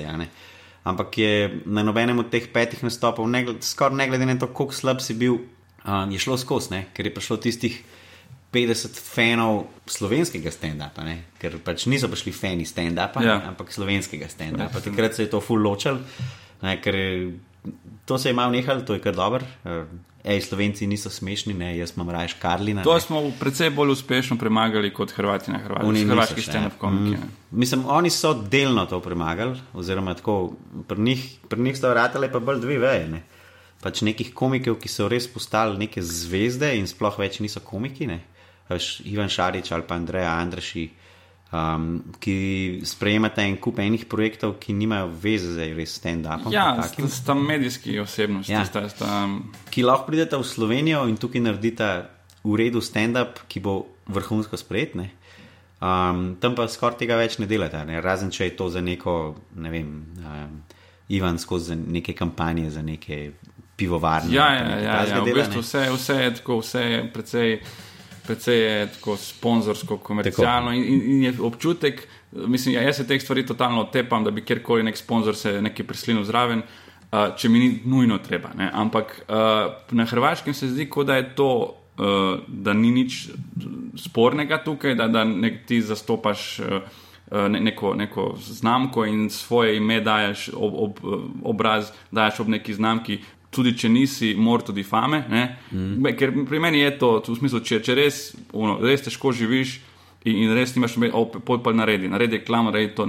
Če pa, če pa v redu živiš, ne sprejemati vse, vsake fucking reklame. Ne, ne, ne moreš tako, prav je tako. Eh, Sami glih. Ampak kontra, zdi se, kot da na Hrvaškem, to, da je to pač edina opcija. Mm. Tako, a, a je tako? Je, dost tako je. Ja. Mislim, ne uspeti, dokler ne, ne postaneš neka osebnost, ki, je, ki lahko predstavlja nek brand. Ne. Veš, eh, ne vem, Aleks Curačarič, ki ja. je bil za Ampak on je, banko, ja, to se boje, on je bil kar ponosen. On je v štartu bil, ful bil ponosen na to, da je, da je tako. Pa, je hodil... Mi, mi, mi, mi s Tinom sem govorila tako, ja, mi dva se tudi enkrat za banko, pa sva gledala, da, da, da je to čim bolj low profile, zato ker mi res ni kul cool za banko, zato ker sem moral, ker nisem imel keša, ampak da mi je to v ponos stari mi ni, razumeš, da delam reklamo za fucking banko. Ne. Ampak, le. Ja, njemu pač... je bilo, on je hodil v krok in, in je nekako se čutil, da ga vsi ljudje zdaj poznajo, zaradi tega, ker je on na plakatu za banko. Ja. Tako, lej, če te poznajo zaradi tega, pa je že škoda. Ampak ja, pravim, na Hrvaškem je pa ogromno tega, vse te tudi turneje, ko delajo s tem turneje, je zraven neko pivo, mm. ne, ko delajo, ko, ko delajo in, in se zdi, da preč družba deluje na ta način, da edino z nekim sponzorstvom stvar uspe, brez tega. Škaj škoda je, ker se, se to na preveč. Pa tudi v Bosni, by, by way, sorry, tudi v Bosni, tudi te fantje, ki iz eh, Banja Luke, večinoma Mirkan pa kompanija, ne, oni tudi so imeli na turnejo in je bilo neko pivo, jelen pivo, mislim, da je bilo zraven, zato ker očitno tam, kjer, kjer je tako. Uh, je, je finančna situacija malo v Bosni, pa sploh je res zajebano, potem edino za temi nekimi. Teže je bilo verjetno tam začeti, um, brez tega, kot pri nas se mi zdi, da smo imeli, vsem smo imeli malo srečo ne, v Sloveniji, ker ko smo začeli, um, so nas kar hitro sprejeli v par, v par nekih klubov, na par festivalov in, in smo kar naenkrat bili del tega. Ne. Mislim, da smo največjo srečo imeli, da so takrat študentski klubi imeli denar. Ja in da tudi MC so imeli nek, nek niso imeli toliko denarja, niso imeli tak budžet kot eh, študentski klubi, ampak so imeli nek. nek Budžet, ki se nas lahko privošči takrat. Mislim, jaz dajem definitivno tudi kar, kar močno vlogo tukaj temu, da sem jaz istočasno ali pa takrat že niti ne več tok bil menedžer slovena in sadeža. Zato, ker um, če ne bi takrat, saj en, enih ljudi, no, se ni bilo posodko, ampak par ljudi je bilo prav tako, hej, stand-up komedija, imamo pet ljudi, prišli bi nastopati. Ja. Kaj je to? Ja, Pozaj jim razlagati, kaj je to. Njeh, ne, veš, a bo to res dobro. Ampak pol jaz sem lahko marsikdaj zastavil ime Slovenija Sadež, veš, v, v, v smislu, hej, mm -mm. A sem ti da je nekaj slabega prinesel. Ja. Mislim, prvo na to noto. Ne. Kot tisto, if you like that, you might like. Ja, ne. in pa so rekli, da se na začetku to ni bilo nek denar. Ne, veš, tako, tudi, tudi ja, šli, seveda, seveda. Ampak če si, če si star 24-25, pot je to kul. Cool. Dokler si študent, a veš, bo šel, bo šel za potne stroške. Ne, ker je to sam še ena aktivnost, pa, pa, pa dubo si džabe pivo, če neš drugega, ker ga mogoče druge nisi. In študentski klubi so znali to takrat, mal, ja, po eni strani imeli so denar po drugi strani znali so tudi izkoristiti to našo takrat ful veliko željo potem, da bi veliko nastopali. Ja. In, in te neka pripričevanja, veš, kaj smo. V bistvu je bilo odgovarjalo enim in drugim. Me, veš, kaj meni najboljše, ko me zdaj pokliče nekdo in je tako. Ej, ti si nastopil takrat za nas, ne, se spomniš takrat, ko si bil no name, ne, in zdaj računajo, da na račun tistega, da bomo zdaj šel full pod ceno. Yeah. Ja. Je tako stari, čakaj, čakaj, čakaj. čakaj. S tem, da sploh ne takrat... več tam v klubu oni, zdaj mogoče oni že delajo na neki firmi, ki ima full denarja. Ja. to se jim tudi zgodi. Ampak tudi če ne, tudi če ne, je bilo tako, čakaj, stari. Ja, takrat si me dol pod ceni, ampak zato, ker. A nisi ti srečen, da si me takrat dobil poceni, ampak zdaj, zato, ker si me takrat dobil poceni, me hočeš tudi zdaj, pet let kasneje, zdaj me hočeš še vedno na, na podlagi česa. Ne veš, kako je to nefer, to, kar ti zahtevaš. Ja, vse je ful, ne. Ja, kot da, kot da ti on takrat omogočil priložnost. Ne, ti si meni omogočil plač za nastopanje, jaz sem dostavil svoj del pogodbe, tukaj oba sva bila zadovoljna, tukaj se je končalo, zdaj se pogovarjamo drugače. Mislim, tudi, tudi veš, ko smo mi prišli, ne vem, deset let nazaj nekam nastopati, je pač prišlo tistih 40 ljudi, ki so iz Firbca prišli pogledat, kaj je zdaj to slovenski je to stand-up. eno ne, čisto čudo, ja. Iskreno, ne. Veš, in so potem odšli bolj ali manj zadovoljni. pač ni, mislim, jaz se ne spomnim, da bi se kdaj zgodil, sploh ko smo tako kot ekipa prišli, da bi na koncu rekli, to je bil pa čisti šit. ne. Sploh Ja. študenti so imeli to radi. In zdaj mi smo prišli za potne stroške, in oni so prišli za džabe. In oni, Ja, pa dobro, za potne mi Da, go- govorim ja, ja, to. ja, govoriš na splošno, ampak kot komikaze, nikoli od štarta nismo uh, nastopali za, vedno je bil nek honorar, tudi če je bil uh, majhen, ti si ti naredil tako, da je bil honorar. Ne.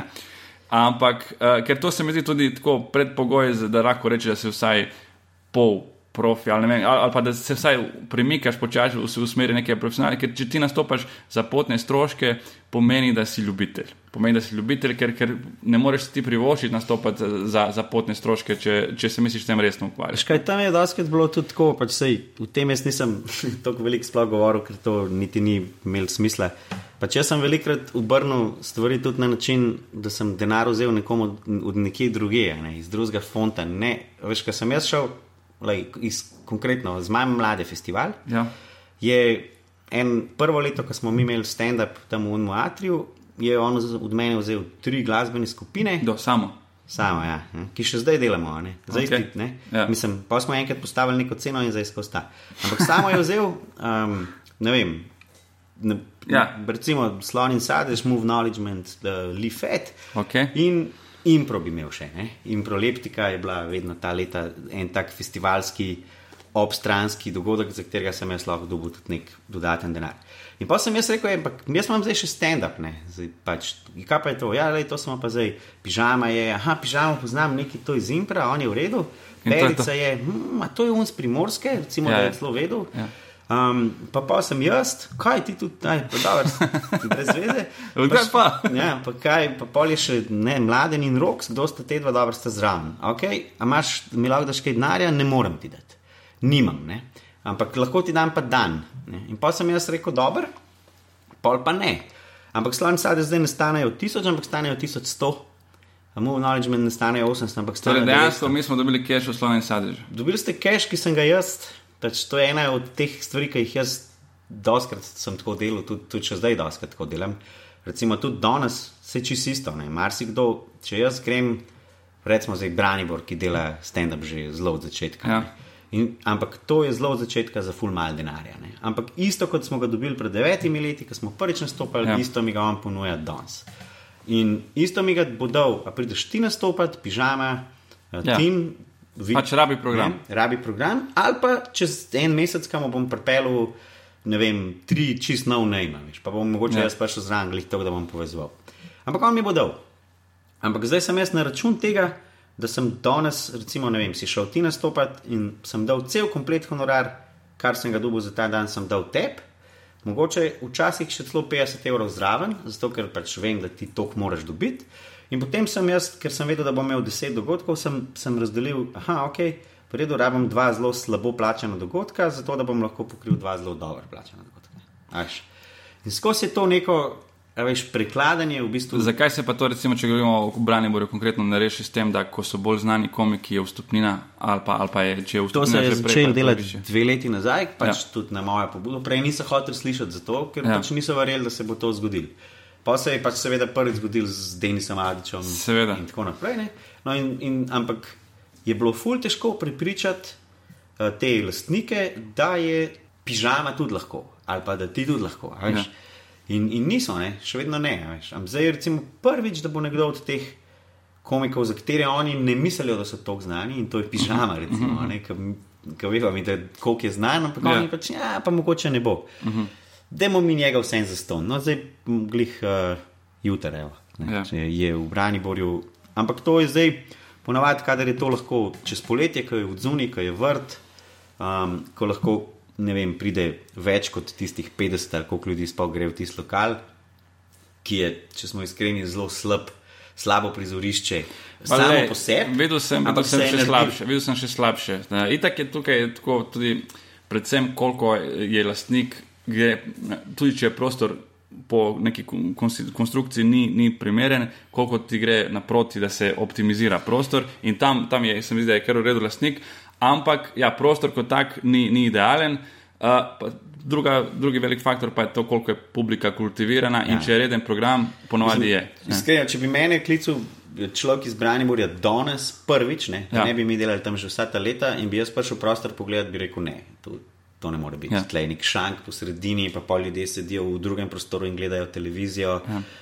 Komik jih ne vidi, ne sliši, ne nič. Ne. Jaz Najbrž bi rekel, mislim, full velika verjetnost, Ja. da bi rekel ne, ali pa bi rekel, dajmo enkrat probati, ampak itak ne bo v redu, pa, pa najbrž pol ne bi bilo, ker bi že mi tudi prišli. A veš, Zdaj pa mi vemo, prostor se je navadil, ljudje so se navadili, mi smo se navadili. In deluje. Zdaj so celo že kupili mikrofonsko stojalo, jutri bo prvič stojalo. To je, se mi zdi meni tak dosežek. Devet let. Stojalo stane 15 evrov, ne tako. A boš dal stojalo, ne? ne, ker jaz imam za stand-up toliko denarja in vedno ga dam te. Aha, aha, aha. Ampak ja, mislim, veš, zdaj smo tudi prišli do nekih teh veš, različnih vrst nas, nastopov. Veš, kdaj, pač najbolj vidim pri pižami, ki ga največkrat prodajam. Ampak recimo, zdaj, če, če je eno tvoj solo show, ki traja uro, uro pa pol, ne, pol je tvoja cena višja. Kot če ti prideš za vem, 20 minut, 25 minut, pa so s tabo še trije komiki. Ja. ne. Ampak seštevek v vseh štirih skupaj je cenejši, Ja, cenejši kakor tvoj kot solo, ne. show, ja. Vsem se zdi to totalno, kaj to ne Nesmiselno, more biti. ja. Ne? Ampak je, ne, ker pač je čisto logično. Ti si tam uro pa pol, pa tudi, kad ti priješ tja še s tremi, te trije, Ja, niso niso, nikoli niso znani, pa To. mogoče tudi tako objektivno malo um, tako novejši, pa malo slabši. Še vedno, veš, bojo ljudje prišli zaradi tebe, ne, Ja. v, v prvi fazi, ampak tudi vejo, da, da to ne bo tvoj sol, glavni, ne, tudi, Ja, tudi bojo ja. manj. Pa tudi če je solo show, tukaj je nekaj vloženo, nekaj v marketing. Je ja. Ja. že vloženo in potem ti, ko plačuješ, to plačuješ tudi to, kar je bilo vloženo v plakate, v, v brendu. Ne vem, ne. To, to je tisto, ja. kar ljudje ne razumejo, ko je ne vem, Magnifico ima, ima koncert. eh, Ne vem, v križankah in zdaj je tako, o, zakaj je tako usmerjeno? Ja, zato, ker že to, da si ti dobil informacijo, da je on v križankah, Je bilo- stal ful denarja. Ja, je stal ful. Ja. Ampak to ljudem ni, ni jasno, misli, da. Ampak, ok, dobro, ej, stari, le, že debelo čez ure, jaz, imam tukaj še en kup stvari, ki bi te rad vprašal in sem se bal tega. Sem se bal, da bo predolga, nisem se bal, da bo prekratka, sem se bal, da bo predolga, uh, ker nočem delati dve urnih teh uh, podcastov. Um, Zdaj svete, ki že ne vem, če kdo sliši že. Hodil sem te še vprašati glede tega, da primerjamo malo te scene s slovensko, hrvaško, srpsko. Uh, recimo, da rečemo pet let kasneje. Evo, govorimo zdaj. September 2021. Po mojem bo več solo šovov, zdaj, ker je um, zdaj sploh iz tega nekega kroga, ki smo jih prej najprej naštela, se pravi Jrnej, Žan, Uroš, tudi Gašper Bergant v končni fazi. Ratel, res je par komikov, ki so zdaj ratel tako močni, Ja. kot smo mi bili pet Ja. ja. let nazaj. Pa, ki, Ja. ja. ki jim lahko, ne še, mislim, bojo imeli, kot so rekli prej, Počasi že zdaj težko nalogo, one man zdaj medijsko to, zdaj, a narediti solo šov, Gašper Bergant. Koliko ljudi bo šlo to gledati? Veš, ti si se zadnji. samo vprašanje časa, ja. Ja. definitivno. Ampak jaz mislim, da čez pet let bo, bo tako, ti boš komik, če imaš solo šov. Drugač boš pač eden od. Ampak komik, stand-up komik bo tisti, ki je sposoben imeti uro, uro 15 dobrega, kvalitetnega materiala, za katerega so ljudje pripravljeni plačati 10 plus evrov. Uh -huh. um, in to jaz pričakujem čez pet let, da bo, da bo tega več. Um, in pričakujem, da bo, da bo eksplozija teh uh, novih, mladih. Še vedno Se je že nadaljevala. zdaj je, ja, zdaj je eksplozija, pa bo, mislim, da bo, da bo to trajalo, ta, da, Ja. bo, da se bo to širilo, ampak do ene točke, ne. ker potem bo v enem momentu bo pa tako, ok, zdaj pa konc. Ne. Mislim, tudi desetka ne bo dosti velika, da bi lahko toliko open majkov naredili, zdaj ja bomo šli v to, da bomo imeli open majke še kje druge, saj so že kakšni prostori v Ljubljani bili, ne vem, Alter, pa Marsi, ja. ne vem, tako ne, ampak Zdaj, ampak tukaj je ta nevarnost, da v poplavi pač tega. Ja, jaz, jaz sem zelo za, nikoli nisem rekel, da je treba delati eh, ne- neko selekcijo. Zadnjič je Javšnik prebil tisti intervju za Playboy, pa oklofutal bi ga Majkem, ko je prebil, kao, da, bi mi mogli sta- starejši delati neko selekcijo med mladimi. Dej ne seri stari, pa to Publika oder, naredi od, selekcijo, oder naredi selekcijo, ampak meni nikoli ni motila ta poplava. Uh, ljudi, ki, ki, je, ki, ki so novi, ki bi raje izprobali, zato ker to je meni najlepša stvar pri stand-upu. Torej, ne rabiš, ne rabiš neke žirije, neke, neke tam uh, uh, ljudi, ki sedijo, ki ti povejo, če, če obetaš ali ne, ko se itak ne ve, kaj boš, razumeš, ne rabiš nekega štemplja, ampak prideš gor in se trudiš in ali se narediš sam, sam ali se ne narediš. To je meni najlepša stvar pri tem. Pa tudi, to veš, vse to brca tudi nas urita, veš, tako, ker tako. Absolutno, absolutno. Ti trudu se toliko, kot se, če ne bi za tabo prihajali eni, ki te lahko. Najbrž ne, najbrž ne, najbrž ne. Ampak mislim, mislim, da smo bili tudi komiki, eh, ta prva generacija, toliko pametni, da smo. Uh, Da nismo nekako rekli, o, kaj bo zdaj zapiral vrat, v smislu, da je kaj, kaj pa zdaj ta, kaj pa to, ne, ne, ne. Ampak smo vedeli, da če, če nas bo šest, vsega skupaj, cel čas nas bo se ljudje nasitili, tako. ne bomo uspeli producirati in, in bo vse skupaj zamrlo. Tako da smo mi tako mentorsko zelo prigrlili te, ki so, ki so prišli. Sploh te, ki vidimo, da delajo, imamo radi. Veš, Seveda. Veš, mi imamo radi Gašperja, zato ker, ker dela. Ker, ker dela. dela ker dela. Ne samo zato, ker. Evo, zdaj v Gaju je prišel, jaz sem prišel s tremi ali nejami novimi, on je prišel, jih je imel 15. Ja. In, in, in je tako, je končal eno foro, je gledal že drugo, ah, drugo. Priden je, priden ja. dela. Ne. In to je, to je full, vsaka čast v bistvu. Ampak obstaja pa nevarnost, da zaradi tega, uh, da se malo dela nek dumping ne, in zdaj Evo, eden od teh, ki smo jih našteli, ne, teh mlajših komikov, je prišel do mene in rekel: Perica, kaj zdi, naj spremem to, da nastopim tam in tam za 100 evrov. In jaz mu nisem mogel reči ne. Zato, ker le, lahko, lahko meni reči ne, če mi to nekdo ponudi z veseljem, mu rečem ne, ampak on v tej situaciji seveda, seveda mora, mora sprejeti vse, kar se mu ponuja. Je pa tako, da. Tudi, da veš, kaj ne on reče. Ne, jaz ne bom pokličite perico za 300, veš. Mislim, ne, veš, ne more reči, da je meni 300, ker pač realno ni vreden. Ne, ja. Mislim, ne more. Ne more zahtevati. Tudi ima 15 minut, na katere, ja. ne vem, ne, pač te nastopi so ja, ja. lahko težki. Ne. In pa bo rekel, okay, da se smo ti dali 100, vemo, da, da obstajajo tudi dražine. Ja. Ali, ali ne reče čist ne. Ja. Pač ne, vi niste vredni stand-up, pa nimate več. Tako, to je ful težko. Jaz sem mu samo rekel, da če boš pristajal, da igraš za pivo, se te bo tretiralo tako, kot da igraš za pivo. Ja, to je definitivno. Mislim, ti komod pristajaj pristaj na to, ampak dokler boš na to pristajal, tako se te bo tretiralo. Ja, ampak ti moraš iti čez ta proces. Veš. Mi smo nastopili za 50, za 70, ja. pa smo nastopili za 100, pa za 150. Full cajt je trajalo, da smo prišli iz 50 na 70, potem na 100 bruto. Se prav spomnim, koliko cajt je trajalo, da smo prišli na 100 bruto. Da, ampak to je bilo tudi povezano z nerazvitostjo scene. Samo, uh, ja, ok, dobro, dej, da zaključiva s tem, da ti vprašam. A, a si to ti kopiral od Izarda? Ne, ni veze, sploh ni isto. Tako... V glavnem tečeš maratone, zdaj si se navdušil fud na maratoni, ko si pa bil mlajši, si fural. Teko sem, mislim, teko, triatlon. Triatlon sem, sem treniral, oziroma še v času, ko triatlona sploh ni bilo mogoče trenirati v Sloveniji, sem s parimi somišljeniki v srednji šoli celo ustanavljal klub Triatlon Ljubljana. Ne. Um, jaz pa nisem ustrajal, ker sem bil tabornik in sem pri tabornikih imel že full tega preganjanja po gozdu, orientacijski tek, gorski tek, uh, maratone neke. Um, to, teko sem full, bil sem v Bostonu na 100 km, ne, kjer sem 10 km tekel v Rikvrc, ker drugače ni šlo, ker me je vse že tako bolelo. Ampak to je 20 let nazaj. Pa sem pa v nekem momentu postal menedžer glasbenih skupin, tudi sam imel neki bend, pa pol to dolg časa delal, pol stand-up, pa te stvari, pa jim propone, in je zmanjkalo časa za, za tek. In sem full jezen na to po eni strani, oziroma ne jezen, ker jezen ni pravi beseda, ampak, ampak zdaj sem pa najdel spet neko željo potem, da to vrnem. Ne. In um, malo je pa to tudi povezan s to akcijo Wings for Life, se pravi, tečemo za tiste, ki tega ne morejo. Je to dobra akcija, da lahko delamo reklamo. Uh, Um, in, in pač s tem, da, da jaz pijem to energijsko pijačo, ki pa ne bomo delali reklame. Ne, kar ne rečem, pač to je to. Red Bull um, in z Red Bullom sodelujem že full let in, in vse čas.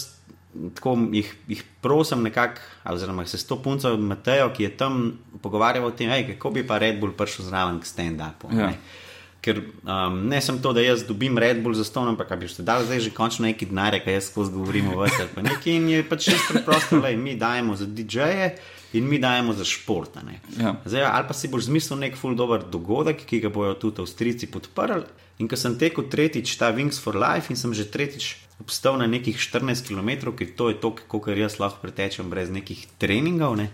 Zdaj, za letošnjega sem celo že treniral, ampak je bilo full vroče, pa me je že to malo stalo, pa sem rekel, ok, vsako leto nakladam, kako bom drug let pretekel več. Pa bom spet pretekel več, pa ful bom bolj pripravljen. Ne moreš biti pripravljen, če sediš v pisarni za kompjuterjem in govoriš, da boš pripravljen in še raš fotke, ljudi, ja. ki tečejo. Ne. In pa sem začel teči, tako in naslednji dan, in, in zdaj tečem 3-4 na teden, 10-15 km. In potem je eno z drugim. Vsakič ali skupaj? Ne, vsakič. In, um, in pač um, povezal sem tudi dogodek Alive Step Up, zdaj že dvakrat in ta trener Boštjan je zdaj nekako postal moj osebni kondicijski trener in mi tudi pomaga pri tem, da bo ta moja forma se povečala. No in... A ti je ali še novak dal kakšen svet glede maratona? Ne. A, a, um, a ste se sploh pomenili, da je.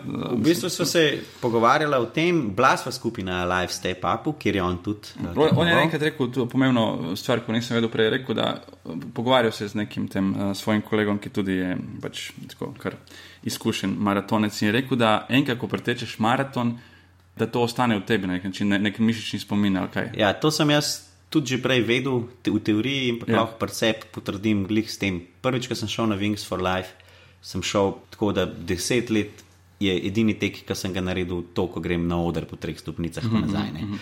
Uh, se pravi, nisem nič se pripravljal, niti psihično, kaj šele fizično, ampak sem šel in sem rekel, le, kar bo bo.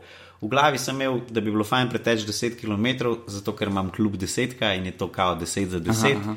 V glavi sem imel Aleša Sečnika, ki je pač eden od nas in sem tekel prav za njega. In ko sem imel na petih km res hudo krizo, sem imel tako v glavi, da če on lahko pride v desetko po štengah dol z unimi berglami, z nogami, ki jih vleče za sabo, boš ti stisnil še teh. Še dva, tri, ne vem, in jih je bilo pa na koncu še osem. Ne. Ampak res. Antona mes... so pozabili, Anton Pevc. Anton Pevc. Ja, njega on je legenda, njega moramo, da prekinem. Zdaj sem se spomnil. Pozabila tudi Funny Guy, ja, ki ga imaš tudi. Funny Guy, Andrej, Andrej Podbevšek, Funny Guy. Uh, Odkar ima brke, ima malo manj, zdaj te hipterske, to je tudi. Ne, niso ti všeč. Uh, to, to je ej, prav, res jih fura, noče. Fura jih, tisto. ja, ampak ja, jaz bi ti to počupal. To, ne, prav, mislim, ne, ne samo na njemu, na vseh, ko je dejansko nepraktično, je moteče. In, uh, gledam ga, tako, poslušam, poslušam sled, kaj govori, ampak je tako. kje je mašinca, pita, kje je. No, da se vrnem, ja, so škarje. Po tem zadnjem Wings for Life. In, in potem v nekem, v nekem obdobju sem rekel, zdaj pa jaz to povezal. Povezal bom ta Red Bull, ki dela Wings for Life, to moje prijateljevanje z Matejo, ki mi daje Red Bulle, stand-up, moj tek, vse, kaj lahko zdaj naredim. Lahko naredim nekaj, kar še noben na svetu ni naredil in to je 30 stand-up nastopov v desetih dneh. Ja, zdaj prvič to javno povedal. Zdaj, zdaj, jaz sem tukaj pozorek, ki je isto to, to tem delal, pa je pol predstavljal to naprej. Tako, jaz, uh, Lej, pač upam, da se bo to zgodilo maja 2017. Kar je kmalo. Kar je zelo kmalo. Fizično sem rekel, sem, da tega ne bom povedal, preden se uh, vrnem iz, iz, iz Indonezije, kar je oktober, se pravi novembra, ko se vrnem, bom, bom probal videti, ali sem jaz zdaj fizično sposoben sploh to narediti. Ampak, ja, zdaj sem rekel, in, ampak bom ja, naredil bom to, upam, da mi bo vrtal 2017, razen če bojo kakšne poškodbe vmes, vem, če kolena ne bo zdržala ali ne vem kaj. Tako da to je moj nek ta cilj. Ne. Se pravi, teč po Sloveniji. Um, zelo sem, sem skrčil to Slovenijo na, na bolj kot ne eno pokrajino. Mislim, štartu naj bi nekje na Štajerskem, pa potem šel dol čez, čez Zasavje, pa dol na Dolensko, pa iz Dolenske v, v Ljubljano. Zaključil, nekje, mislim, zaključil sigurno v desetki, no, to je dejstvo. Aha, aha. In bom mogel spustiti definitivno prek Mure, ker je fucking daleč in bo mogel spustiti primorsko, ker je kljub temu, da je blizu predaleč. Lahko bi šel iz druge smeri, ampak tle je tudi ena stvar. Če tečeš iz Štajerske proti Ljubljani, tečeš dol. Če šteješ pa iz, aha, če greš pa iz primorske proti Ljubljani, pa greš gor. Ne. To je 300 metrov višinske razlike od nule do konca, ampak je. je pomembno. Pozna se. Ja. Um, vse bojo vmes sponi in, in, in paci, tako pri meni, kot na cesti, ampak Lej, to je za en tak projekt, ki ga imam v glavi, s katerim se zbujam zjutraj, razmišljam pa predvsem o tem, jaz treniram, treniram, treniram. Zdaj, no, in zdaj vmes, ko se je pa to dogaja, se, se pa pol, a veš, neke treninge imamo skupinske, kaj je ta Alive Studio, ima tudi skupinske kondicijske treninge, pač tekaške. Recimo, mostec, pa tečemo po stopnicah, tam po skakalnici. To sem videl, fotke na Facebooku. Danes gremo spet evo, na, na planico. In, no, in, in tukaj so se zgodile pol te stvari, spoznaš nekoga in on reče, hej, zakaj pa ti ne greš z nami teč pohorjene? Kašno pohorje, to je v hrib. Ja, ja, v hrib, 20 km v hrib. In greš. In sem šel in sem na koncu bil tik pred tem, da, da pobruham vse, ker sem že prišel v cilj in, in to je tak napor. Ampak je fajn, mislim, veš, tako kot je murček v Romuniji. Klik to sem pa mislil. A ni fajn, ko umiraš, a ni fajn, ko boš crknil vsak trenutek. Ne, ni, ta, ni. Dobro, težki, ej, najlepša hvala, da si prišel. Če bi radi podprli tale podcast, podprite aparatus.si, slash podpri, podprite Anžeta Tomiča, ki skrbi za vse skupaj in ki je, fun fact, bil svoj čas obetaven lokostrelec uh, v Bolgariji, uh, v mlajših selekcijah. Nič, bomo rekli čau. Hej, čau. Čau.